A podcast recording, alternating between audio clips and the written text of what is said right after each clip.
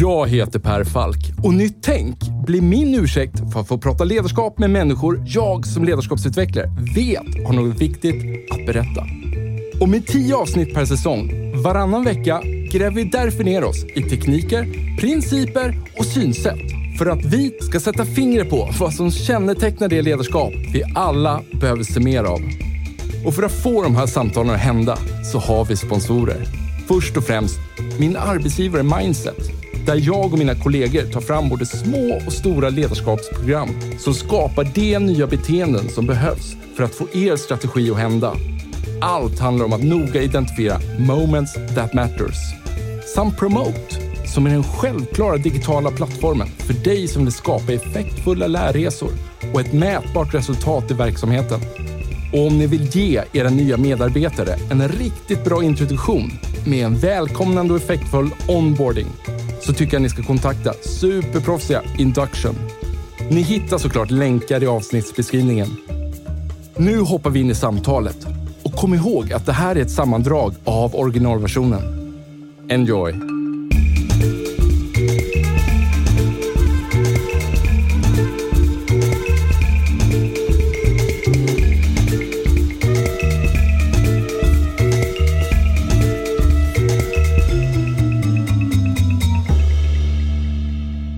När man brukar prata om retorik så är liksom det centrala där att om man vet att det man ska föra fram kan folk ha liksom invändningar mot. Då brukar klassiska retoriken säga då att man ska liksom dra ner den här invändningen, ta upp den själv, neutralisera den och dra ner den från bordet så snabbt som möjligt. Liksom avväpna motståndaren. Jag tänkte att vi ska göra det här, Stefan.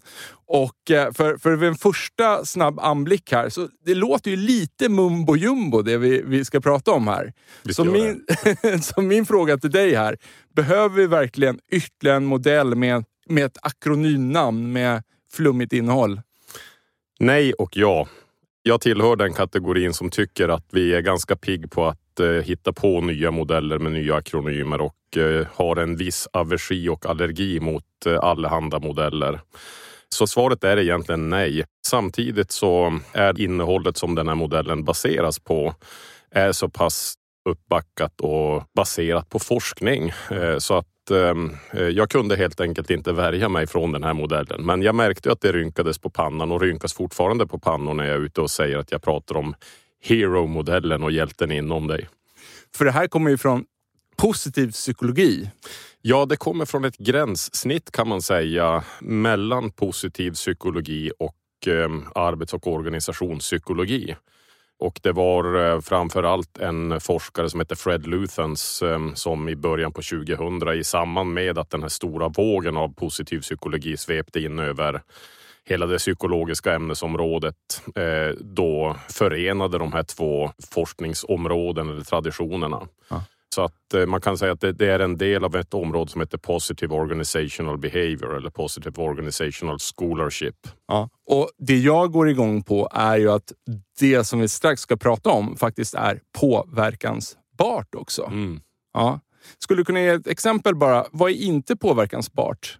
Din intelligens ja. är tämligen besvärlig att göra någonting åt. Ja, eh, Om du har varit lyckosam i det genetiska lotteriet så föddes du med en riklig mängd och det kommer göra det lite lättare för dig i livets alla olika sammanhang. Ja. Eh, om du är normal lyckosam så som jag är eh, så föddes du med en genomsnittlig mängd och det kommer vara ungefär lika lätt och lika svårt för dig att ta dig fram här i livet. Och var du mindre lyckosam eller hade rent av otur så, så fick du en ganska beskedlig dos eh, i det genetiska lotteriet och då kommer saker och ting vara lite svårare och det kommer ta lite längre tid för dig. Och det kommer inte göra så himla mycket eh, vad du än försöker för att förändra din dos som du Nej. fått dig tilldelad. Nej. Jag försöker en till. Personlighet. Personlighet nästan samma sak, men den tycks vara lite mer föränderlig. Eh, framförallt upp till 20-25 års åldern så förändras vår personlighet eh, i förhållandevis, inte stor utsträckning, men i, men i någon utsträckning. Och sen är den tämligen stabil, även om det sker vissa åldersrelaterade förändringar ja. även där. Ja. Men det är väldigt svårt att med medvetna ansträngningar göra, no göra Ex någonting åt det. Exakt, och det är väl det då som kanske skiljer sig lite mot eh, det psykologiska kapitalet som yes. från prata om här. Nästa steg i retoriken här nu då, det är ju så här, då har vi rivit ner då den, första, den största invändningen. Är, är det okej okay att vi fortsätter prata om den? Ja, ja absolut. absolut. Men vi måste ju lyfta fram ditt etos här, tänker jag också. Så vem är du att tycka om det här? Ja, det, det, där är en lite känslig fråga. När man lyssnar på mig så hör man ju att jag är ju uppvuxen i de eh, norra regionerna i landet, uppvuxen i Norrbottens inland och där brukar man ju säga att eh, där gäller den ultimata jantelagen som postulerar att man ska inte tro att man är någonting, man ska inte tro att man någonsin har varit någonting och man ska framförallt inte tro att man någonsin kommer bli någonting. Mm. Och det här har jag ju fått med mig då från eh, tidig ålder. Så att det här med att prata om vem jag är, att hävda någonting är ju då en utmaning. Men min bakgrund är eh, forskare. Eh, jag spenderade tio år på institutionen för psykologi vid Umeå universitet och doktorerade 2005. Och fann relativt tidigt att eh, jag kommer inte bli någon framtida kandidat för ett Nobelpris. Jag lyckades näppeligen ro min eh, doktorsavhandling i land. Den var inget Eh, fullständigt mästerverk på något vis. Eh, den var tillräckligt bra för att bli godkänd. Eh, men det jag fann var att jag hade en fallenhet för att gå, lämna eh, akademin och gå ut och möta människor som själva inte jobbar som forskare och berätta om forskningsbaserad kunskap på ett sätt så att de förstod. Och det tyckte jag var både roligt, det kändes viktigt och meningsfullt eh, och jag märkte att eh, det gick lättare för mig. Jag kom mer till min rätt här än att själv vara den som producerar forskning. Så det blev min eh, personliga mission kan man säga från slutet av 90-talet när jag började göra det här. Att göra forskning tillgänglig så att människor kan förstå den och kan använda sig av den för att göra tillvaron för sig själv och kanske för andra lite bättre. Varför började du intressera dig för psykologiskt kapital som så småningom mynnade ut då i, i din hero-modell? Vad fick dig liksom... För någonstans är det så här, du har ju lagt ner massa tid på det här mm. och då måste du någonstans ha, ha tyckt att så här, det finns någonting här mm. som är värt att lägga ner tid mm. på. Alltså jag hörde ju talas om begreppet Eh, relativt snart efter att det hade så att säga exponerats och börjat skrivas om det i, i runt 2004-2005 så vet jag att jag, jag läste någon av de tidiga artiklarna av eh, uh, Luthans och, och kollegor. Det tog väl inget större fäste på mig där och då, men, eh, men jag noterade det i alla fall. Eh, men sen så lärde jag känna en amerikansk ledarskapsforskare som heter Bruce Avolio. Mm som är en av de eh, ledande ledarskapsforskarna i världen. Eh, och jag lärde känna honom eh, 2013 tror jag och hade då läst en massa böcker som han har skrivit. Och, och en stor del av det som jag har skrivit och byggt mitt tänk kring har varit influerat av Bruce teoribildning. Mm. Och jag lärde känna honom då och eh, var och hälsade på honom i Seattle 2013. Eh, och då berättade han eh, under en brunch om den forskning som de, hade, som de drev just då på någonting de kallar för Hero-modellen. Och som han då berättade var en akronym för Hope, Efficacy, Resilience och optimism. Mm, mm. Och att de här fyra egenskaperna bildar någonting som de då kallar för psykologiskt kapital. Mm. Och det de då hade funnit det var att eh, tillgång till sånt här psykologiskt kapital eh, tycktes vara relaterat till i stort sett allt som vi vill att det ska vara relaterat till i arbetslivet. Gott ledarskap, utveckling av ledarskap, trivsel, motivation, arbetsprestationer, kreativitet, samarbete. En precis hög allt. korrelation till det vi vill egentligen ha det vi av vill en ha, ledare. Precis. Ja. Eh, och samtidigt en hög negativ korrelation till det vi inte vill ha. Stress, utmattning, destruktiva beteenden, eh, konflikter, personalomsättning eh, och så vidare. Ja, men han, han berättade om det här med stor entusiasm, men det var, det var ändå några år senare som det på riktigt väckte mitt intresse. Och och var... Varför inte där, där och då? då? Jag tror att jag var så, eh, jag var nog så eh, fokuserad där och då på det som Bruce mest har blivit känd för, den forskning som han har bedrivit på transformational leadership eller transformerande ledarskap. Det låter bättre. Det låter bättre det, och, och i ledarskapsvärlden så är det ju den form av ledarskap eller den uppsättning ledarbeteenden som har legat till grund för flest publikationer. Ja.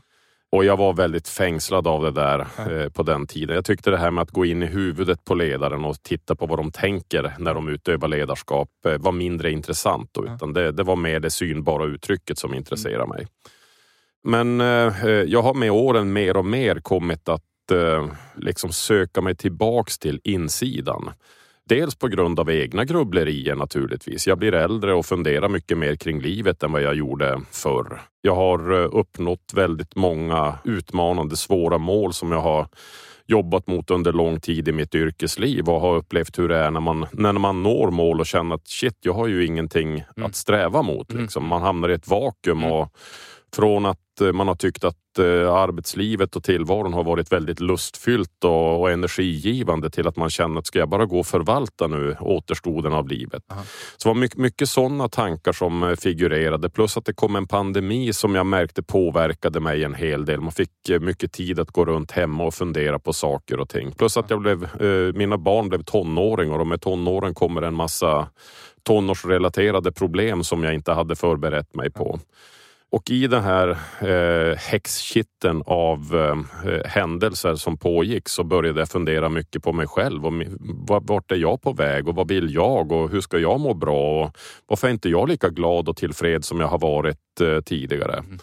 Och eh, i den vevan så väcktes tankarna om det här med psykologiskt kapital mm. Eh, faktiskt. Eh, så att jag gjorde ett Eh, Eh, ett, nytt försök att verkligen läsa på om det som hade skrivits om psykologiskt kapital och den här gången tog det ordentligt fotfäste. Mm. Så att eh, jag dels började jobba själv eh, på olika sätt med att försöka stärka mitt psykologiska kapital. Men jag bestämde mig också för att det här vill jag, jag vill förmedla det här. Det här är för bra för att det inte ska förmedlas till andra. Så jag skrev en bok, jag började föreläsa, jag skrev arbetsmaterial, jag har utvecklat verktyg och koncept eh, för att hjälpa människor att utveckla sitt psykologiska kapital. Vad heter det på engelska? Psykologiskt kapital? Psychological capital. Det, he det ja. heter det? Ja. det? det? är egentligen ett fantastiskt bra namn för att kapital eh, antyder ju tillgång eller resurs och, ja. och vi vill ju i regel ha en riklig eh, mängd tillgångar och resurser av olika mm. slag. Åtminstone tillräcklig för att vi ska kunna lösa de problem som mm. vi kan lösa med olika typer av tillgångar.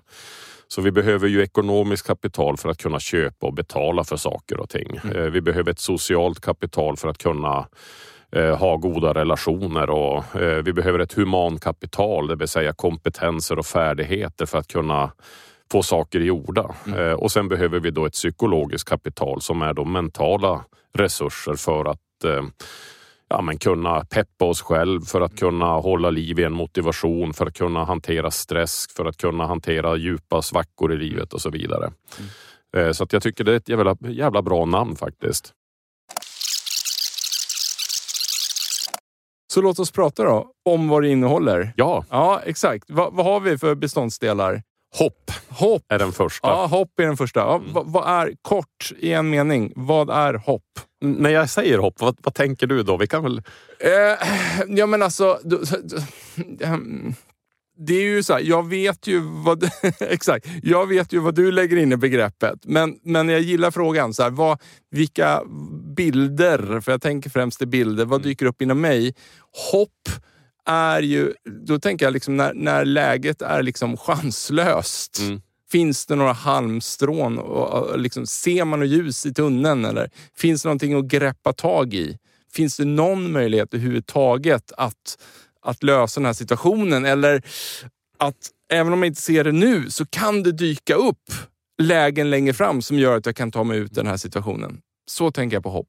Det kanske låter lite pessimistiskt. Men, Nej, men det jag skulle säga att det är en, en, en eh, extremt bra eh, liknelse och beskrivning av, eh, av hopp.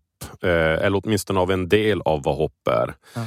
Eh, alltså när man är i en besvärlig situation, när saker och ting har gått på tok, när man är i en eh, svår relation eller man har drabbats av en sjukdom eller eh, att då kunna se någon form av ljus i tunneln, att man ser att det finns en möjlighet här att det kan ordna sig. Ja. Och att man ser de här halmstråna, man ser vad man skulle kunna göra för någonting för att det ska kunna eh, ordna sig.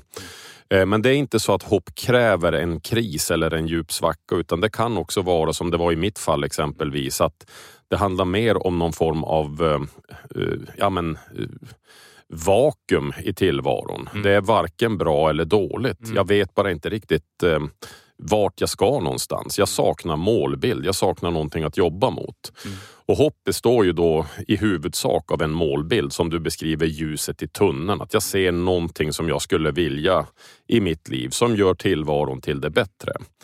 Utan målbild, utan idé eller föreställningar kring vad du önskar mm. eh, i ditt liv. Oavsett om din önskan är att komma ur ett lidande och en problematisk situation mm. eller att eh, komma fram till någonting som, som stimulerar och tilltalar så, så handlar det om att man måste ha någon form av målbild. Och eh, den målbilden, för att den då inte ska bara stanna vid eh, liksom uddlösa fantasier och dagdrömmar, behöver också då kompletteras med en medvetenhet kring hur kan jag agera för att denna målbild ska realiseras? Det vill säga, jag måste veta någonting om hur ser vägen till målbilden ut. Och jag måste tro på vägen. Jag måste tro att det är möjligt mm. att göra det som krävs för att nå den här målbilden. Mm. Och kanske också förstå vad jag kom, kan göra när jag stöter på problem, vilket man gör allt som ofta. Så att jag ser att händer det, ja men då kan jag tillämpa den här eh, alternativa strategin. Och råkar jag ut för det här, ja men då är det inte kört ändå, för då kan jag ju alltid gå den här vägen.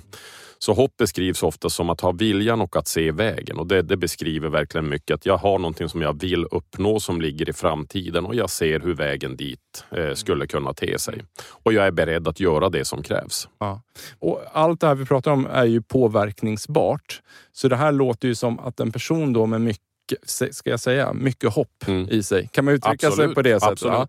En person med mycket hopp i sig är duktig på någonstans lite att begripliggöra sin egen, jag vet inte, vad ska man säga, skapa mening. Ja, det är väldigt mycket. Ja, I det, sitt arbetsliv eller privatliv. Liksom. Ja, men, eh, hopp, ehm, eh, hopp är ju alldeles nödvändigt för att vi ska kunna känna mening. Mm. Eh, alltså, meningsfullhet uppstår ju när när jag upplever att mitt handlande leder mig i någon form av önskvärd riktning. Mm. Eh, mitt, mitt, handlande får positiv betydelse för någon. Mm. Det är, bara in, det är inte liksom helt uddlöst och frikopplat från någonting mm. utan det, det, leder till att någon blir glad eller någon, eh, någon mår bra. Mm. Eh, eh och mitt handlande eh, är på något vis sammanfogat i ett, i ett större sammanhang. Mm.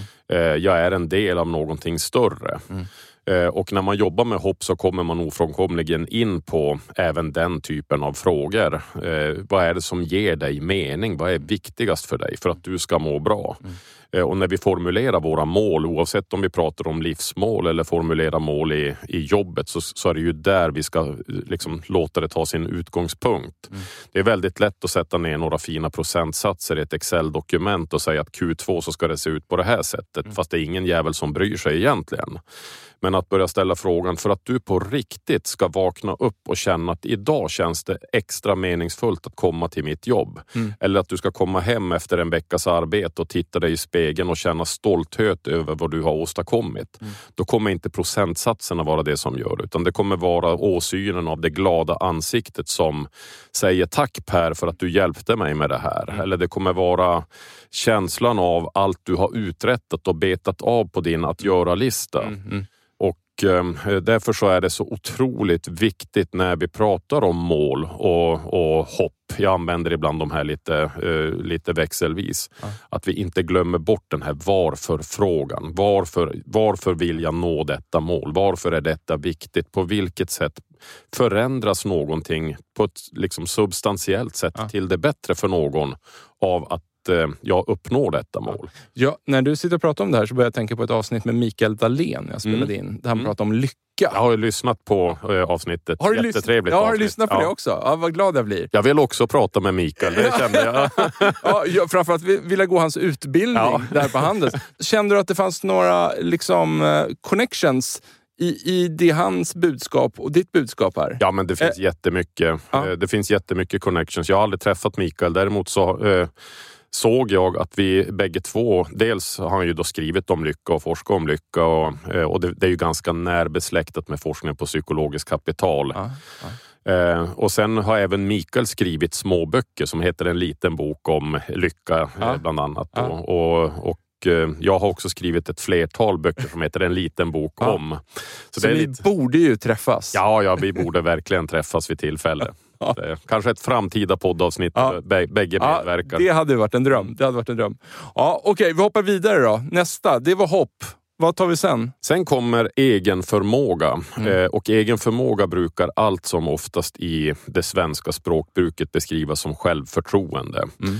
Jag har valt att kalla det för egen förmåga för det möjliggör att bevara eh, Hero-akronymen. Eh, men, men i grund och botten så är väl kanske självförtroende det bästa eh, bästa svenska begreppet. Ja. Det här är hämtat från engelskans self-efficacy eller efficacy. Och eh, eh, egen förmåga avser då eh, din tilltro till din specifika förmåga att prestera tillfredsställande väl på de specifika uppgifter och utmaningar som du möter. Mm. Så det är alltså någonting som är mycket mer specifikt än hopp. Hopp är mycket mer eh, liksom generellt. En, en, Lång tidslinje. Ja, det, det kan ju vara, eh, variera i, i längd naturligtvis, men, men den är inte så... På vägen mot ditt mål så ja. kommer ju du möta olika saker. Du kommer möta olika problem, du kommer att behöva utföra olika prestationer, du kanske behöver gå någon utbildning, du behöver prata med vissa personer. Eh, livet är ju fullt av eh, situationer där vi måste prestera. Mm. Eh, arbetslivet inte minst. Arbetslivet är ju en prestationsarena där våra prestationer kan då värderas i någon form av kvalitativ aspekt och i någon form av kvantitativ aspekt. Mm. Och allt som oftast så finns det i arbetslivet såväl som i, i skolan, inom idrotten, kanske lite mindre i privatlivet, även om det även finns där. Men det finns förväntningar på med vilken kvalitet ska vi göra saker och med vilken kvantitet ska vi göra saker. Mm. Och eh, din egen förmåga avser då din tilltro till att kunna göra de här sakerna som du ska göra i din specifika jobbsituation, mm. idrottssituation, mm. privata situation med en kvalitet och en kvantitet som minst lever upp till de eh, krav och förväntningar som finns på dig, från dig själv och från andra. Ja. Eh, och det här kan ju variera. Om jag är elitidrottare i, en, i, en, i ett professionellt idrottslag så kommer ju då, kan man ju tänka, ja men här är ju den faktiska förmågan väldigt hög. Mm. Det innebär inte att egenförmågan är hög för den skull, för att eh, kraven och förväntningarna varierar ifrån olika miljöer och mm. egen förmåga avser då helt enkelt din tro att kunna prestera tillfredsställande väl på de krav som finns i din miljö. Påminn mig och lyssnarna nu, så här, medan vi betar oss fram här, så här, om man nu skårar högt på det här eller arbetar sig till en hög självskattning då, eller vad man nu ska säga. Vad korrelerade det med för ledarskapsbeteenden? Det korrelerar med generell bedömning av om man tycker att, att ledarskapet fungerar väl. Men det ja. korrelerar också med eh, bedömningar av transformerande ledarskap. Det korrelerar positivt med bedömningar av eh, det som kallas för contingent reward eller villkorligt förstärkande ledarskap. Mm. Eh, det korrelerar positivt med, med bedömningar av det som kallas för autentiskt ledarskap. Ja. Märk väl att jag säger bedömningar av ledarskap, ja, för att ja. mig veterligen har man inte gjort några beteendeobservationsstudier för att se om det korrelerar med de synbara beteendena. Nej. Får eh, fråga Simon. Ja, precis. Vi kanske får göra någon gemensam studie där. Men jag skulle inte bli förvånad om man hittar korrelat även där faktiskt. Nej. Eh, och varför jag tar upp frågan är bara för att liksom, kedjan ska vara solklar här nu för, för de som lyssnar. Det vill säga att genom att jobba med de här underliggande faktorerna så har vi andra vinster i ledarskapet ja. som vi kan hämta hem. Är, kan man, man, se, kan, man, kan, se, det, det som en liten sån här eh, resursbuffert som du kan fylla på och som kommer göra att saker och ting kommer vara lite enklare för dig. Mm. Eh, det kommer vara lite enklare att eh, utöva ledarskap på ett bra positivt sätt. Det kommer vara lite enklare att eh, bevara motivationen, att orka hantera stress och motgångar. Mm. Det kommer inte lösa ut alla världens problem, men det kommer göra det lite enklare för dig. Mm. Så att det, det, är som en liksom, resursbuffert kan man säga. Mm. Vi kör vidare. Resiliens. Resiliens. Resiliens är är den udda fågeln i vårt psykologiska kapital. Därför att den är delvis en följd av de övriga komponenterna av psykologiskt kapital. Så att ju mer hopp, egen förmåga och optimism som du har, mm. desto bättre tenderar du att kunna ta dig igenom eh, och komma åter efter svåra motgångar och stressfyllda upplevelser. Mm. Så en väg till resiliens är ju då att investera och bygga de övriga komponenterna. Men den verkar byggas även av andra saker såsom ens fysiska förmåga och hur, hur goda relationer man har med andra människor påverkar också. Men resiliens eh, betyder kort och gott förmågan att kunna ta sig igenom eh, prövningar, svåra prövningar. Det kan vara både vardagens eh, prövningar, mm. vardagsstressen och så vidare, men, men eh, inte minst de svårare prövningarna när vi går igenom kriser och djupa svackor i livet. Mm. Och alla som har varit i, i en jobbig situation, i en kris av något slag eller i en långvarig stressfylld situation, vet ju där och då hur otroligt mycket man vill komma tillbaka. Därför att det är ju förenat med ett lidande när du går igenom en sorg eller en separation eller du har förlorat jobbet eller man tvingas göra neddragningar eller vad det än kan vara.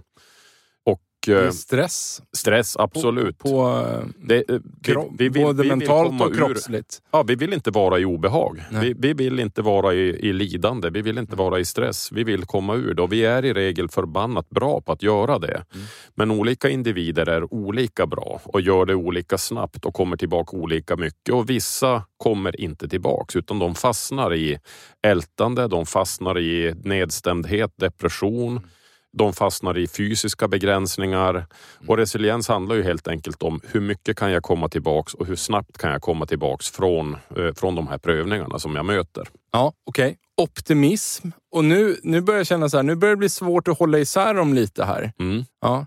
För optimism, hur skiljer det från hopp? Optimism kräver inte per definition en målbild och en, en, medvetenhet kring vad du ska göra för att nå målbilden, utan optimism är ett mer allmänt betraktelsesätt på tillvaron där du, du, du förmår att se det som faktiskt är bra och positivt i tillvaron. Mm. Vi är ju med om ett strikt flöde av händelser och erfarenheter under en dag. Det mesta är väl ganska neutrala händelser. Sen har vi både glädjeämnen och sen har vi motgångar och små frustrationer som vi möter. Och eh, man kan kortfattat säga att en, en person som har väldigt mycket optimism, den, den har lättare att se glädjeämnen och kan också plocka små eh, guldkorn även ur det mer neutrala och även från, från mm. de negativa händelserna. Mm. Medan en person som har lite optimism tenderar att fastna i det som är negativt. Mm. Lite och, som att, okej, okay, jag lider här och nu. Men det där var roligt. Ja, exakt. Eh, det... Och, och, alltså, och peka på något annat som inte egentligen har med mitt lidande här och nu att göra. Exakt. Är det så jag ska se det? Ja, men li lite så. Sen kan ju det där gå till överdrift. Liksom. Det är klart att det kan ju bli väldigt ytligt och nästan lite dumdristigt naivt om det är så att vi börjar blunda för potentiella hot och faror och, och liksom bara sopar eh, problem under mattan. Mm. Så man pratar väldigt noga om att det ska vara en realistisk optimism. Vi ska mm. inte blunda för problem, vi ska inte mm. låtsas som att negativa händelser mm. inte sker. Men vi ska hantera negativa händelser eh, på ett konstruktivt, positivt sätt. Mm.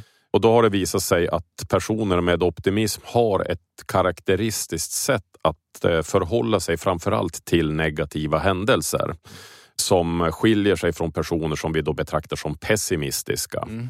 Och eh, den viktigaste skillnaden den ligger i att optimister tenderar att se negativa händelser som eh, eh, mer situationsbundna. Det vill säga man, man säger att okay, det här händer nu, men det är inte någon garant för att det kommer att hända framgent. Mm. Det vill mm. säga man, man ser att det här var be, beroende på omständigheterna i den här situationen mm. tillsammans med just den här personen eller på grund av att mitt tillfälliga sinnestillstånd eller vad det nu kan vara. Mm. Det var det som gjorde att jag förlorade eh, matchen, kugga på tentan etc. etc. Mm. mm. Medans att se mer nyktert? På... Ja, det kan man säga. Att man inte liksom gör en, en allmän sanning av eh, en negativ händelse. Medan pessimisten tenderar att fastna i alltid, aldrig, eh, ingen, alla, mm. alla, eh, ingen och så vidare. Mm. Eh, och eh, fastnar man i det då så blir ju en negativ händelse snabbt extrapolerad till en allmän negativ uppfattning om att det går ju alltid åt helvete och det kommer ju aldrig ordna sig. Och, eh, tror fasen det att det, det var ju ingen som tyckte att det här var bra. Mm. Och eh, fastnar jag i den typen av dikotomt tänkande eh, så är det ganska lätt att se att när jag då börjar tänka om framtiden så finns det ju vissa saker som jag redan på förhand har bestämt mig för att det där kommer ju aldrig att lösa sig för att eh, jag så att säga generaliserar utifrån negativa händelser.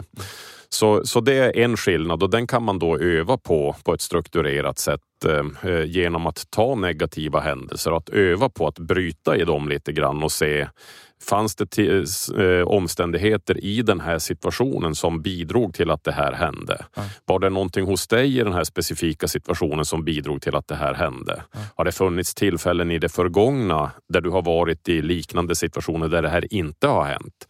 Så att man helt enkelt hjälper en person att, att bryta i det. Det låter ju liksom inte bara med optimism utan rent generellt utan att systemet, om vi ska kalla det för det, eller konceptet handlar väldigt mycket om att lära individer mer effektiva tankemönster. Ja. Kan man säga så? Ja. I sin renaste form? Ja. Liksom. Det handlar väldigt mycket om att, att äh, lära människor rätt tankemönster. Äh, och sen är det lättare sagt än gjort. Det vill jag vara den första med att och betona. Eh, jag tror att de flesta människor, om man ber dem ta en penna och ett papper, så får de skriva ner vilka tankar tror du florerar i en lycklig människas skalle. Mm. Vilka tankar tror du florerar i en människa som tror väldigt mycket på sig själv och sin mm. förmåga? Vilka tankar tror du eh, florerar i huvudet på den som är resilient och så vidare? Mm. Då tror jag att de flesta kommer att faktiskt sätta ord mm. på Eh, nästan på pricken mm. de tankar som eh, kännetecknar psykologiska Precis som att om jag ber någon eh, skriva ner vilka beteenden någon ledare som man verkligen har gillat, ja, som man har haft historiskt, så kommer alla kunna skriva ner det. Exakt. Och, och, och, det kommer mer eller mindre vara samma typer av beteenden som folk skriver ner runt bordet. Det, så, så, vi vet det. Är vi vet ett, det redan. Det, det behövs inga forskare som... Exakt, det är inte ett kunskapsproblem. Det är nej, någonting oh nej, annat. Det, det, är ju att gå då från eh, kunskap till handling. Eh, och ehm, eh, det är ju... Så varför inte ta det klivet här i samtalet här nu då? Att gå till handling. Vad är det som gör att det ja, blir så svårt? Hur, hur liksom, kan du ge oss någon, på varje del här, kan mm. du ge oss någon, så här, någon, någon hack? Liksom? Hur, hur kan man öva det här i mm. praktiken? För att börja forma då hjärnan att, att få till mm. de här mm. tankemönstren. Precis, det, det handlar ju eh, precis som vad vi än ska nöta in för någonting så handlar det ju om att öva. Och vill vi lära in en bra eh, backhand när vi spelar tennis så, så räcker det inte att vi övar vid ett tillfälle utan vi måste göra det vid många upprepade tillfällen. Vad vi än vill förändra och bli bättre på så behöver vi öva. Mm. Men det finns ju då metoder som har tycks, tycks ha en positiv effekt som kan underlätta för oss att locka fram de här tankemönstren. Eh, och som eh, i sin tur då när de väl har lockats fram får positiva följdverkningar på vårt mående och på våra beteenden och prestationer. Och när det gäller hopp så tänker jag, då kan jag nämna två strategier. Eh, en som är lite mer filosofisk och eh, generell och en som är väldigt, väldigt specifik. Mm. Om vi börjar med den väldigt specifika så, eh, så handlar det kort och gott om att nyttja goda metoder för mål i sitt liv. Mm. Och det finns olika metoder men en som jag har, eh, eh, som har blivit lite grann av en favorit för mig. Dels för att den är också en fin akronym faktiskt. Men den är också uppbackad av väldigt mycket forskning och den kallas för WOOP, W-O-O-P. Mm. Och WOOP det, det, beskriver då processen du går igenom när du genomför en sån här målsättningsprocess. v, w står för wish, mm. Eh, o står för eh, objectives, andra o står för obstacle och P står för plan. Och om vi struntar i akronymen och tittar på vad man gör när man gör en WOOP mm. eh, så, så sätter man sig endera tillsammans med någon annan individ eller så sätter man sig för sig själv, kanske tar fram penna och papper. Man sluter sina ögon och så tänker man på någonting som man skulle vilja uppnå. Någon form av målbild. Mm. Den får gärna vara ganska konkret, men det viktigaste är i alla fall att du tänker på någonting som du känner att det här skulle jag vilja uppnå. Sätt det gärna avgränsat i tid. Eh, det kan vara kommande vecka, det kan vara kommande möte, arbetsdag. Mm. Den kan också vara lite längre utsträckt i tid men, men eh, ofta tycker jag att det blir bättre när man gör dem kortsiktigt. För att? Därför att eh, medvetenheten om ett mål är ju som allra störst strax efter att du har satt målet. Ah. eh, om du till exempel sätter ett mål med eh, att eh, under kommande år så ska jag förbättra upp min fysik och börja träna mer. Mm. Eh, så vet vi alla att första dagen efter nyår så har vi en jävla fart på, eh, på våra aktiviteter. Sen börjar det eh, ta emot lite grann och det är dåligt väder och, och rätt vad det är så har vi halkat in i gamla hjulspår. Och på samma sätt gäller på en arbetsdag. Om du sätter ett mål med att under förmiddagen då är mitt mål att jag ska göra det här och det här. Mm. Jämfört med om du sätter att under eh, kommande tre månader på mitt jobb så är mitt mål att jag ska göra det här och det här. Mm. Det är mycket mer synligt och medvetet för dig när du har ett kort mål. Det, finns, det är mindre risk att du glömmer bort det. Mm. Mm. Du vill skapa en känsla av rörelse framåt? Ja, det är det, det, det gör. liksom. Och, och eh, Det blir också mål som blir mycket mer realistiska eftersom om jag ska planera för en dag då har jag någorlunda eh, klart för mig ändå vad som kommer att hända under dagen. Mm. Ska vi börja planera för ett år? Ja, det hinner hända så fruktansvärt mycket mm. som vi aldrig kan sia om. Mm. Det innebär inte att vi inte ska ha långsiktiga mål, det ska vi absolut ha. Men, men jag tror att man bör komplettera dem med mm. de här kortsiktiga. Jag gör en jätteenkel grej med, med en kompis vad gäller min egen träning. Bara för att få den att fungera och verkligen avsätta tid för det. Jag vill ju träna. Jag älskar att träna, men för att verkligen när, när man är eh, stressad på jobbet, som känner att nej, jag har inte tid att träna, jag måste göra det här. Eller när man bara känner att man vill bara lägga sig i sängen eller soffan hemma och tvingas iväg ändå. Men vi, vi gör så helt enkelt att så fort man gjort sin träning vi har sagt att man, hur många pass man ska göra per vecka. Det har vi kommit överens om, jag och en kompis.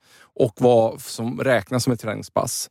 Och sen skickar jag bara så här, hashtag 1 genomfört, eller hashtag 2, mm. alltså träningspass 1 mm. eller 2. Det här gör vi och sen när en vecka gått, då börjar det om igen. Mm. Det är ju ett visst antal pass mm. varje vecka extremt banalt men mm. funkar så jäkla bra. Ja, det, och Jag tror att det är det man måste komma till. Det måste vara enkelt. Ja. Eh, för att annars får man det inte att funka. Nej, och, och, vi skickar bara de här smsen. Ingen direkt mer förklaring, utan så här, nu har jag gjort mitt första pass. Nu har jag gjort mitt andra pass. Och det här kan komma när som helst under veckan. Och om jag vill lägga ihop alla tre passen tre dagar i rad, ja men då gör det. Då gör då, det, ja. det är inte det det handlar om, utan det är bara tre pass ska genomföras. Hitta tiden. Mm. Liksom. Mm. Ja, det, en liten avstickare där. Ja, men det, och det, den eh, är eh, i många avseenden ett bra exempel på, eh, på det här med Whoop och att man synliggör det. Eh, så därför så är det en bra eh, idé när man har liksom tänkt igenom vad vill jag för någonting, att jag ja. skriver ner det så att ja. det finns på ett papper eller i en app eller någonting. Ja. Nästa steg, eh, det här glömmer vi alldeles för ofta bort, det är att vi på riktigt sätter oss ner och funderar på vad är det som på, på allvar blir bättre mm. i mitt liv eller någon annans liv om jag lyckas uppnå detta. Mm. Mm. Eh, så att vi inte bara formulerar det här som är lätt att formulera. Mm. Eh, har jag verkligen på mm. riktigt mm. tänkt till? Vad är det som blir bättre om jag uppnår det här? Mm. Eh, och när man då sätter ord på vad är det allra bästa som, som om jag inte kan sätta ord på det, ja men då, då, kommer jag sannolikt inte att vilja jobba mot det här målet. Då är det ju bara meningslösa ord. Mm. Så att jag behöver ju ändå kunna sätta ord på vad är det som förändras som verkligen blir till det bättre. Och sen när man whoopar då, så då är tanken att man ska sluta ögonen och visualisera det här, den här positiva konsekvensen. Verkligen mm. försöka sätta sig in, gå in i den fullt ut. Och sen pausar man och så, och sen nästa steg att lista alla tänkbara problem inom en själv eller hos sig själv mm. eller i ens omgivning som på olika sätt kommer förhindra eller försvåra för en att nå målet. Mm. Eh, och Det här är vi människor usel på att göra. Vi, vi tenderar att tro att bara för att jag har satt ett mål och gjort en plan för att eh, jag ska jobba mot det här målet så mm. kommer planen att hålla. Motivationen kommer vara bestående genom hela, eh, hela projektet. Mm. Det kommer inte uppstå några problem. Jag kommer inte behöva hämta sjuka barn på dagis.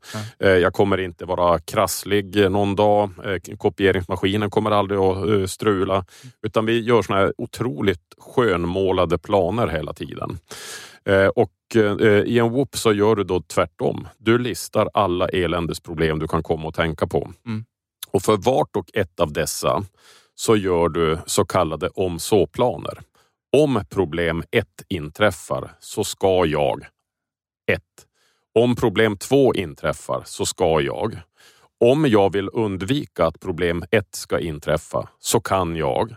Så att man så att säga redan i förväg har, har listat problem och till varje problem listat planer. Och de får man då också gärna med fördel skriva ner och sen återigen sluta sina ögon och se framför sig hur problem uppstår och hur man tillämpar sina om så-planer. Och det här är bland det mest hoppfulla som finns. Därför att när du i förväg säger att fan, jag har ju tänkt igenom det här. Det är hopp. Verkligen. Ja. Så det är en sån fantastisk metod. Det här låter ju som eh, att ett team skulle kunna göra tillsammans. Definitivt. Eh, och alltså just VOPen där. Absolut. Ja. Och tänk vad mycket roligare att ha WOP-möten än eh, ja. liksom målmöten. Eh, Verkligen. Det, det, låter mycket mer lustfyllt tycker jag. Ja. Och så jag har jobbat med idrottare. Jag har en bakgrund som idrottspsykolog och tar ibland ja. lite idrottsuppdrag fortfarande. Och Jag kan säga att kort och gott det jag gör i mina samtal med dessa idrottare det är att vi, vi whoopar mm. och sätter mål då kanske på veckobasis eller två veckors cykler. Mm. Och så sen har vi after action reviews då och titta på hur har det gått? Vad har vi dragit för lärdomar av det här? Och så gör vi en ny cykel utav det här. Ja. Så det är en fantastisk eh, metod för att jobba med hopp. Och den andra mer generella då, den eh, handlar om att eh, hitta meningen med livet kort och gott. Och eh, den, är ju, den är ju lite svårare då. Eh, men, men, samtidigt så är det ju något kittlande liksom, för att vi går ju runt och söker efter den eh, medvetet eller omedvetet. Liksom, försöker svara på den här frågan. Varför finns jag egentligen till och vilken är min plats i tillvaron? Och, ja. Eh, och i olika perioder så kanske vi funderar olika mycket på den. Men något av det mest tillfredsställande som finns för oss människor, det är ju när vi känner att jag förstår min plats i tillvaron. Jag förstår vad jag, vad jag liksom kan göra i mitt liv som berikar för mig och för andra. Jag känner att jag är på väg i en riktning som, eh, som känns betydelsefull eh, mm. och så vidare. Och eh, Det här kräver ju eftertanke. Du behöver ju få ta tid åt att verkligen fundera över vad är det som är viktigt för mig. Mm. Och Jag har funnit att det som bäst hjälper människor att komma fram till vad som på riktigt är viktigt, det är att man på, på allvar föreställer sig att man förlorar saker.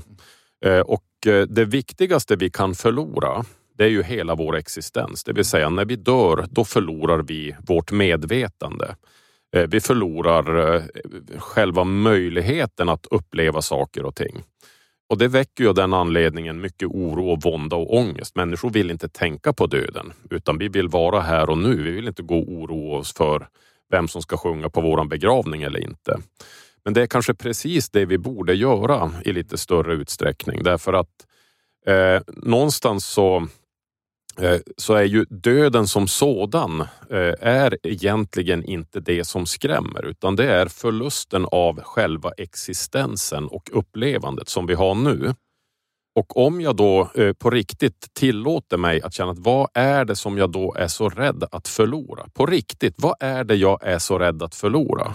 Och vad är det som gör att jag på olika sätt försöker att agera för att inte förlora det här? Kan jag sätta ord på det, då förstår jag ju någonting om vart mina allra viktigaste ideal och värderingar ligger i livet. Så att det är då strategi nummer två, att verkligen bottna i ditt, dina allra viktigaste varför.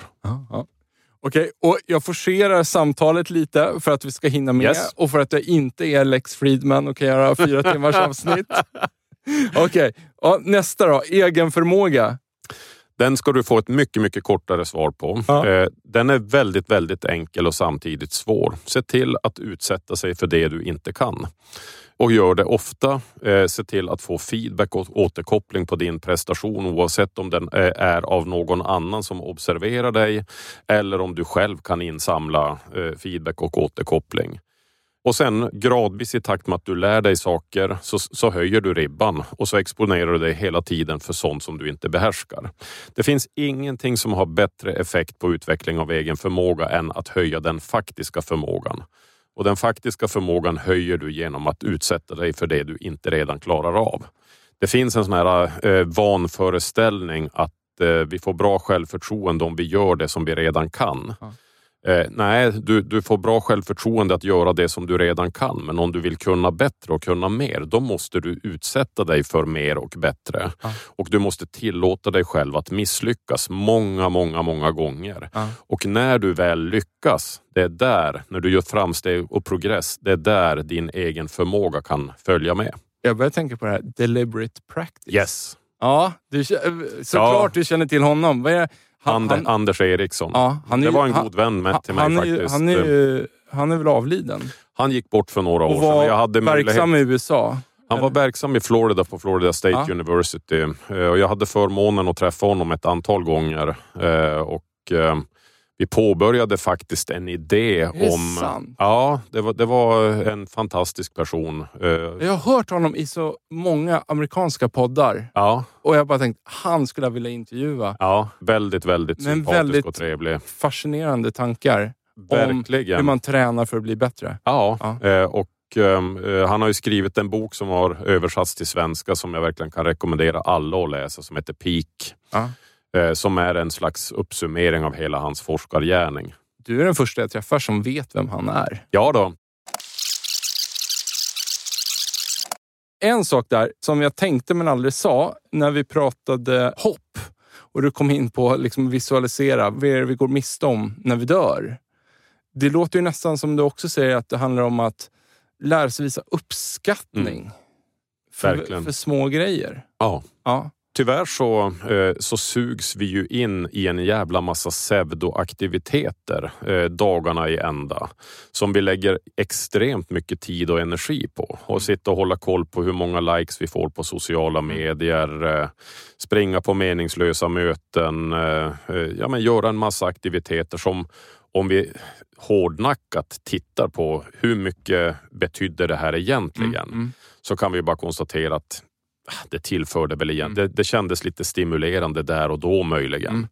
Men det har inte liksom berikat på något meningsfullt sätt. Nej. Och en anledning till varför det är viktigt att, att liksom landa i det som är allra viktigast eh, och verkligen få en förståelse för det, det är, det är att du oftare kan göra medvetna val. Mm. Att leva ditt liv i linje med det som är allra viktigast. Mm. Mm. Det, ju, det skänker dig större tacksamhet naturligtvis, men det är också någonting väldigt hoppfullt mm. att känna att jag kan faktiskt välja bort saker som mm. egentligen inte långsiktigt mm. Gör någon, någon skillnad Nej. för mig. Nej. Men om jag aldrig vågar bo, liksom, bottna i de här frågorna eh, så är risken att jag mycket lättare kommer falla offer för de här korta eh, korta stimulerande aktiviteterna. Lust, det är lustbetonade. Ja, precis. Ja, ja. Okej, vi hoppar vidare. Resiliens. Resiliens. Ja. Eh, det som jag har sagt om hopp och Eh, egen förmåga gäller i allra högsta grad även resiliens naturligtvis. Eh, eh, investerar du i hopp och egen förmåga så kommer du delvis också bli mer resilient. Mm. Men jag skulle säga att att ta hand om sin fysiska förmåga, sköta kost, träning, mm. återhämtning, sömn. Mm. Det finns ju eh, naturligtvis hur mycket som helst skrivet om det, så det är ju liksom bara att googla eller läsa böcker om det. Mm. Eh, men det jag tänkte lägga lite mer vikt vid är eh, det sociala kapitalet. Att aktivt jobba med sitt sociala kapital. För att Eh, är det någonting som är uppenbart, det är att när vi hamnar i kriser och svackor, då behöver vi andra människor som mest. När vi är ledsen vill vi ha någon som eh, kan lyssna på oss och som kan erbjuda en axel att gråta ut mot. Eh, när vi är stressade så vill vi ha någon som kan hjälpa oss att lugna ner oss.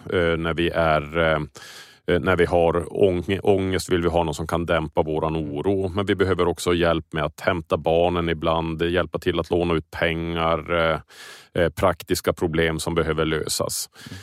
Och eh, Man kan väl säga att socialt kapital det är då det samlade nätverket av ömsesidigt goda relationer som du har i ditt mm. liv. Mm. På ditt jobb, utanför jobbet, i privata relationer, kompisrelationer, olika nätverk. Och varje relation kan ju ha olika god kvalitet och vara olika mycket ömsesidig och en bra relation det är en relation där bägge parter aktivt vill varandra väl. Det finns ett, ett ömsesidigt utbyte. Det är, inte, det är inte obalanserat där den ena tar och den andra ger. Mm.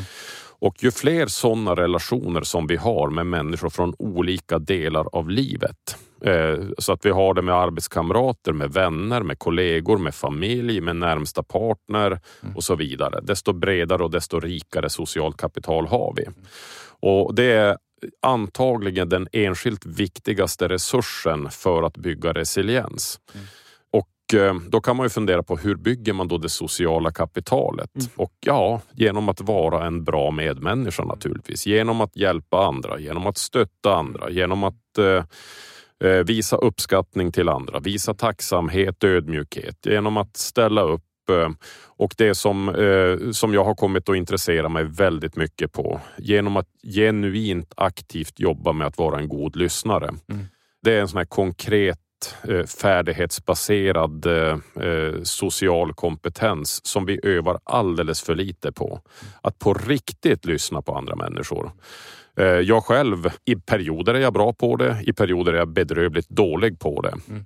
Men alla som har suttit och samtalat med en riktigt god lyssnare vet hur stark upplevelse det kan vara. Och jag brukar säga att det bästa sättet att öva upp sitt lyssnande på, det är att exponera sig för människor som tycker annorlunda än oss själva, som vi inte tycker så mycket om och göra det i en situation där vi är lite stressade. För där och då så är det fruktansvärt svårt att på riktigt lyssna på vad den andra personen har att säga. Men vi kan aldrig få en bättre träningsmöjlighet.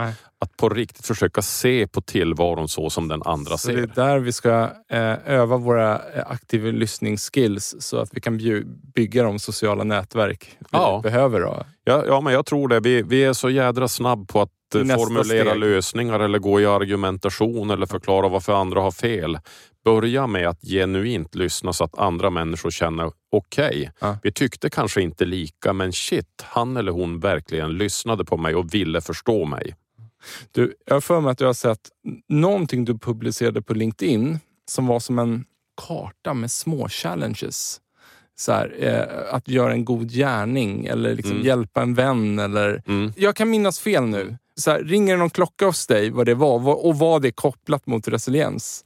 Ja, det var kopplat till resiliens ja. och det var nog hämtat från eh, en arbetsbok som jag skrev som heter Reflektionsbok för, eh, för mental styrka. Ja.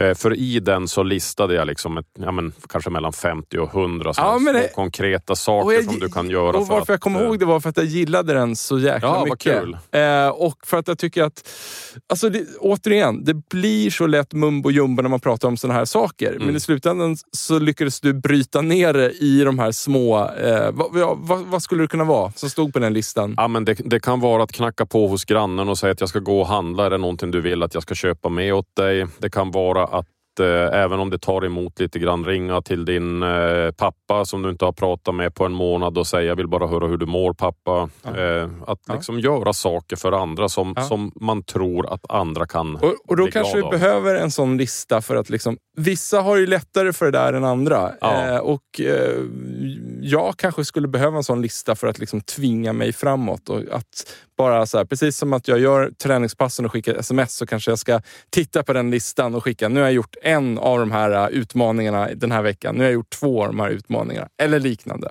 Den kan fungera som en liten guide i alla fall. Ja, ja. och optimismen? Optimism. Eh, två, två eh, typer av strategier. Den ena att medvetet, och här kan man behöva hjälp från andra, eh, medvetet rikta sitt fokus mot någonting som är positivt. Mm. Det kan till exempel vara eh, om man har ett möte i en arbetsgrupp, att man eh, har en runda där alla får berätta allt, av allt vi har varit med om idag. Vad har varit det bästa? Men det kan också vara att du själv för din egen skull skriver dagbok mot slutet av dagen där du skriver vilka saker är jag glad över för den här dagen eller vilka saker är jag tacksamhet, tacksam över mm. för den här dagen. Mm. Så att du helt enkelt medvetet riktar fokus mot sånt som är bra. Mm. Och den andra, den är lite mer avancerad, men den handlar då om att eh, strukturerat och medvetet försöka bryta i tankemönster när man är med om dåliga saker. Mm. Och eh, jag brukar då beskriva något som jag kallar för att göra en optimism audit. audit eh, där man då eh, en gång per dag kanske, eller när man har gjort någonting, listar vad var det som gick bra, vad var det som gick mindre bra? Och de saker som gick bra, då skriver jag ner vad var det hos mig som bidrog till att det som gick bra gick bra? Och vad kan jag göra för att öka sannolikheten för att det som gick bra ska gå bra fler gånger? För de negativa sakerna, då skriver jag vad var det eh, i situationen som bidrog till att det dåliga som hände hände? Eh, och vad finns det som talar för att det dåliga som hände inte kommer att hända igen? Det vill säga att man medvetet sätter på pränt argument för att det här kanske inte kommer att hända igen. Och så sen brukar jag också säga att avsluta med att skriva vad kan du konkret göra för att minska sannolikheten för att det dåliga som hände ska hända igen? Mm. Det är ett sånt eh, ganska enkelt sätt att, eh, att eh, dissekera positiva och negativa händelser på ett optimistiskt sätt. Men att föra en, liksom en sorts journal, mm. kan man säga det? Mm. det? det? borde ju gälla även de andra delmängderna här. Ja, det, att, att skriva på olika sätt är ju ett fantastiskt eh, arbetssätt. Ja. Eh, och, och, det kan också, det nämnde jag inte kopplat till resiliens, men att, att skriva om saker och ting som har varit jobbigt ja. kan vara otroligt Eh, befriande faktiskt. Inte under ett pågående trauma, då, då ska du inte göra det. Men, men med lite distans till att du har varit med om jobbiga saker. Så att medvetet liksom sätta på pränt med papper och penna eller i ett Word-dokument kan faktiskt eh, dämpa ganska mycket av eh, ett känslomässigt trauma. Mm. Och man kan också tänka sig att man, att man skriver även om positiva saker, mm. så som när det gäller optimism. Att faktiskt medvetet skriva ner bra saker som har hänt. Mm. Så att eh, skrivandet är ett fantastiskt verktyg faktiskt mm. för alla som inte har tid att gå till en psykolog eller uppsöka en coach. Mm. Sen eh, kan jag ju varmt rekommendera att man också gör det i perioder. Mm. Coaching har visat sig som, som metodik eh, faktiskt eh, stärka människors psykologiska kapital. Så att mm. även om det inte är tanken med coaching specifikt så har man sett att de positiva effekterna av coaching på konkreta beteenden och prestationer går delvis att förklara via en höjning av psykologiskt kapital. Du, om man nu gör allt det här då, hur följer man upp det på ett bra sätt för att få en progress? Vad är ett bra sätt att följa upp det? Jag, jag tycker att det bäst, bästa... Ska man göra det själv eller ska man låta någon annan göra det? Eller eh, alltså det, eh, det kanske är lite, obero... eller lite beroende på uh, vad man har möjlighet att föredra. Men Eh, ofta är det ju bra att göra uppföljning tillsammans med andra för det finns ett litet mått av, eh, ja men dels att man får känna sig lite bekräftad av andra naturligtvis, men det finns också lite grann ett eh, Ja men det är som du med din träning liksom. Vetskapen att du får skicka den här eh, siffran till din vän gör antagligen att de dagar det tar emot lite grann eh, så kan det vara en reminder att ja men okej, jag får ju skicka den här siffran och, och tar jag inte det här passet nu så kommer jag inte få skicka den här siffran. Nej. Så att, eh, att på något vis involvera någon annan tror jag kan vara bra. Men sen handlar det om att göra det relativt enkelt för sig. After action reviews är ett sånt där lysande bra eh, verktyg där man helt enkelt verkligen pratar om vad har jag försökt åstadkomma mm. under en viss period. Mm. Har jag lyckats med det som jag försökt åstadkomma? Mm. Vad är det som har fört mig närmare mitt mål och vad är det som har försvårat eller förhindrat för mig att nå mitt mål? Mm. Och med utgångspunkt i det, vad kan jag göra för konkreta små förändringar? Och forskning visar att AR eh, är ett synnerligen effektivt sätt att förbättra både individuella och kollektiva prestationer. Ja jag har fått min tioåring att göra after action review med sin klan när de spelar Fortnite. vad, vad, tycker de om det då? vi, vi, tog det första steget nu i helgen här. Men, men jag sa liksom att här, om ni ska bli bättre på det här eh, så kommer ni bli ännu, liksom, ni kommer snabba upp den här resan genom att ni efter varje spel pratar om så här, vad, vad, vad gick jättebra, där vi gjorde exakt som vi hade pratat om och vad måste vi göra annorlunda till nästa spel? Det, det, det var där jag satte ribban. Liksom. Men någonstans så fattar de liksom, aha, så här, nej men så här har vi inte pratat om det. För att de gör ju det på, på ett sätt, men det här handlar ju om att bara strukturera ja. och sätta det i system på ett annorlunda sätt. Ja, det är just det. När du strukturerar och sätter det i system så blir effekten bättre. Ja. Eh, för att när, när du bara låter det eh, flöda fritt i ett informellt ostrukturerat samtal så blir det ganska rörigt. Ja. och det blir inte någon direkt förändring av beteende som en följd utav det. Men när du gör det systematiskt så, så ser man i metastudier att det kan förbättra effekten i, i team. Eh, I snitt har man sett att det rör sig om 30-40 procent. Ja. Ja. Så att det är ganska ordentliga effekter. Rent generellt, vare sig det handlar om äta rätt, träna alternativt bli en bättre ledare. Så här, vad krävs för en långsiktig beteendeförändring hos mig som individ? Eh, jag, jag, tror att eh, det enskilt viktigaste, eh, du måste ju någonstans komma igång naturligtvis. Det blir ju ingen långsiktig förändring om det inte börjar med någon form av första steg. Den, den är ju så att säga av rent logiska skäl helt given och för att du ska börja med några första steg så måste det finnas någon form av idé kring vad den här förändringen ska leda till. Ja. Det vill säga du måste ha ett hopp där eh, från början som tydligt anger för dig vad vill du uppnå, varför är det viktigt och hur ser vägen dit ut. Ja. Och, och den initiala eh, förändring som du då påbörjar kommer ju att bli mer varaktig ju mer hopp du har till en början. Men den kommer inte bli bestående om du inte får regelbunden återkoppling på vägen. Att du dels rör dig i rätt riktning och att du också erfar positiva konsekvenser av att röra dig i rätt riktning. Och det här med positiva konsekvenser har ju då beteendeforskarna eh, studerat i hundra år. Eh, liksom har funnit att det är det som har enskilt störst betydelse för vårt beteende. Det vill säga vad leder de för, till för omedelbara konsekvenser? Mm. Där vi tenderar att upprepa beteenden som leder till omedelbara positiva konsekvenser för oss och vi slutar med beteenden som leder till omedelbara negativa konsekvenser. Mm. Och framförallt så verkar det vara de omedelbara konsekvenserna som har störst påverkan på vårt beteende. Mm. Och det är det här som är så klurigt för att många saker som vi vill uppnå i vårt liv har inte omedelbara positiva konsekvenser men de har omedelbara negativa konsekvenser. Och eh, jag brukar ibland säga att eh, eh, man kan dela in våra aktiviteter i ett, en fyrfältare där eh, vi gör saker och ting eh, som kan upplevas olika medan vi gör det mm. och eh, när, efter att vi har gjort det. Eh, och vissa saker är då av naturen att eh, de känns på olika sätt eh, njutningsfulla. De, de stimulerar på något vis medan vi gör det. Men ganska snart efter att vi har gjort aktiviteten så medför den ingen känsla av stolthet eller att jag har bidragit på någonting meningsfullt sätt. Mm. Att sitta och scrolla på Facebook är en typ exempel på en sån aktivitet. Eh, och eftersom eh, det känns stimulerande där och då. Vi får liksom någon omedelbar kick i form av att det likas och man kommenterar någon, något inlägg och så vidare.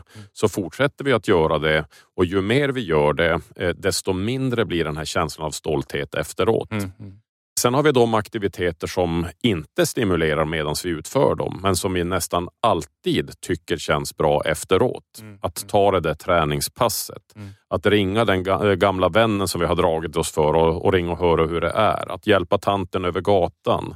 Att eh, sopsortera. Eh, att eh, städa eh, kan vara en sån aktivitet. Det känns många gånger att det tar emot inför och under det att vi pågår, eh, utför det.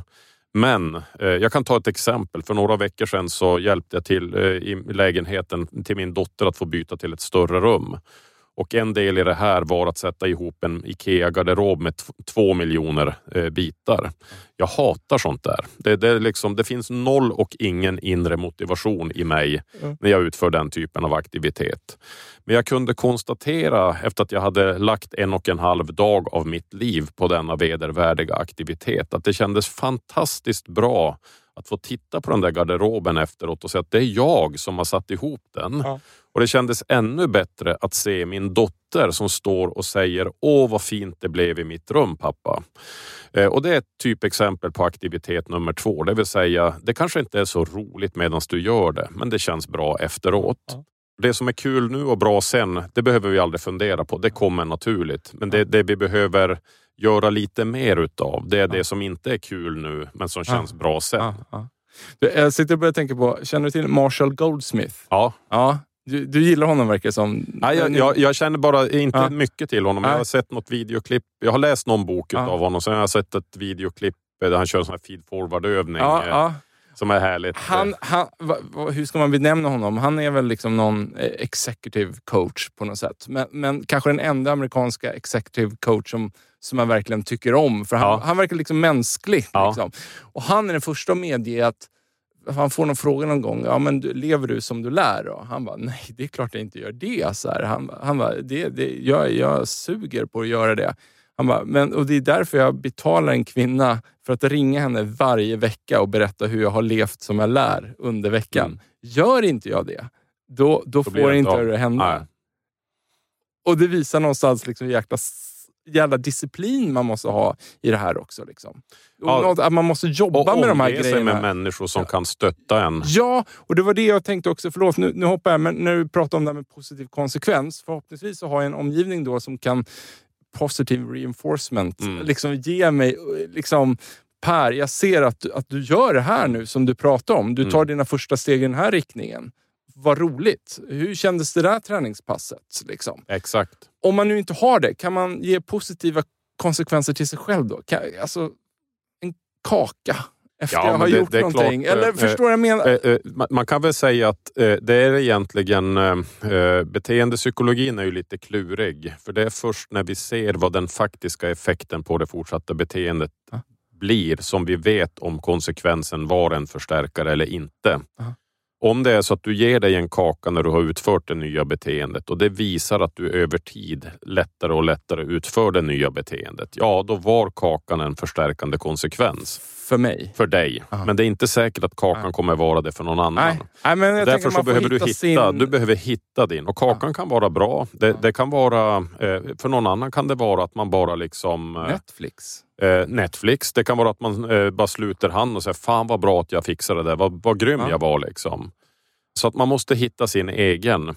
Och det är ju jätteenkelt när de, när de kommer naturligt liksom i själva utförandet. Kruxet är ju när vi måste så att säga uppfinna dem och tillföra någonting eh, eh för att försöka förstärka beteendet. Du, stort tack för att du kom, Stefan. Tack, äh, Vi hade ju lugnt kunnat sitta kvar här. Inga problem. Jag kanske bjuder in dig igen eh, i, fra, i, framtiden ja. här. Du vet, jag har många teman vi kan avhandla. Ja, ja du, jag känner det. Du, vad ska vi lägga in för länkar här i avsnittsbeskrivningen tycker jag? Vi har ju pratat om peak mm. som eh, och hylla deliberate practice här. Mm. Om man är intresserad av det som jag har gjort så kan man gå in på min hemsida. Det är det enklaste för där, där finns även annat som jag har gjort. Eh, och där, där finns länkar till mina böcker och ja. den heter stefansoderfjall.com. Ja. Så eh, det är det enklaste för då därifrån kan man navigera vidare. Då lägger vi in den länken och så hittar man hela dig plus, plus länken till Peak. Stort tack för att du kom Stefan. Tack för att jag fick komma. Hörni, tack till våra sponsorer Mindset, Promote samt Induction för att ni tror på den här produktionen. Ta hand om er.